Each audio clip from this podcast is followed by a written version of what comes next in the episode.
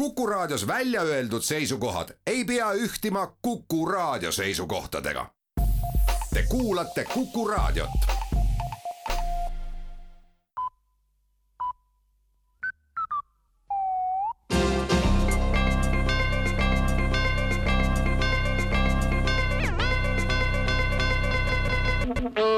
tere kuulama uudiseid stuudios Rohke Develak tööinspektsiooni ja meedikute esindajatel lõppes eile kahepäevane töökohtumine. peamiseks teemaks olid valimiseelsel ajal kampaaniat tegevad poliitikud ja nende tööajast kinnipidamisega seotud küsimused.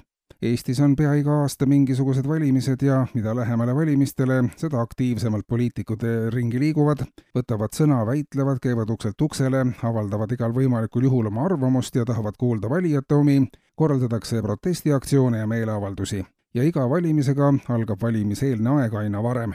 meedikud ja Tööinspektsioon on seisukohal, et nii kurnavad poliitikud end alati valimiste käigus ära ja ei suuda pärast valimisi seetõttu enam kuidagi inimestele kasulikud olla kui valimised läbi, siis hakkavad poliitikud taastuma ning tavaline töörütm saadakse kätte alles vahetult enne järgmisi valimisi ja kogu karussell algab otsast peale. seetõttu ei jõuta juba puhtfüüsiliselt kunagi valijatele antud lubaduste täitmiseni. kiiremas korras tuleks poliitikud panna töö- ja puhkeaja seadusest kinni pidama, et poliitikust oleks ka peale valimisi asja, leiti lõppdokumendis riigikogu aga annab teada, et alustab täna allkirjade kogumist elanikkonna liiga väikeste palkade vastu. järjest kiiremas tempos tõusvad Riigikogu liikmete palgad ja vaid õrnalt märgatav üldine palgakasv riigis tekitab ühiskonnas üha suurema lõhestumise.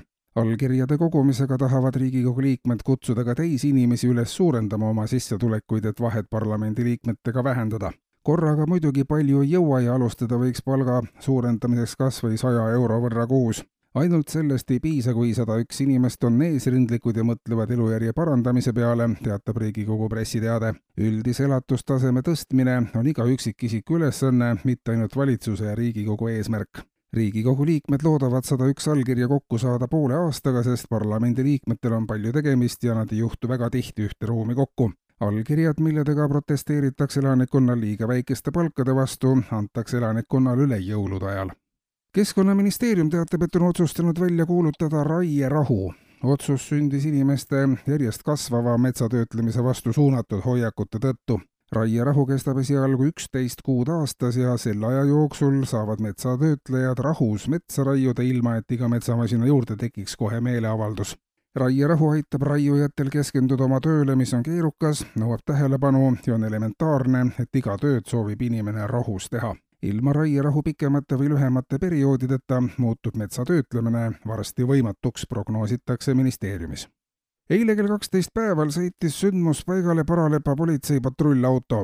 sündmuspaigale jõuti mõni minut enne kella poolt ühte päeval ja siis jäädi sündmusi ootama kell seitseteist raporteeris patrullkeskusele, et sündmuspaigal pole ühtegi sündmust aset leidnud. kell kakskümmend kaks kolmkümmend kuus oli olukord sündmuspaigal endiselt rahulik. operatiivtöötajate sõnul Pole sellel sündmuspaigal mitte kunagi midagi aset leidnud, aga kuna tegemist on Paralepa ainsa sündmuspaigaga, siis pole ka patrullil muud valikut, kui oodata sündmuste edasist arengut. plaanitud on sündmuspaikade toomist Tallinnast, aga seni pole kohalikul omavalitsusel lihtsalt rahalisi vahendeid.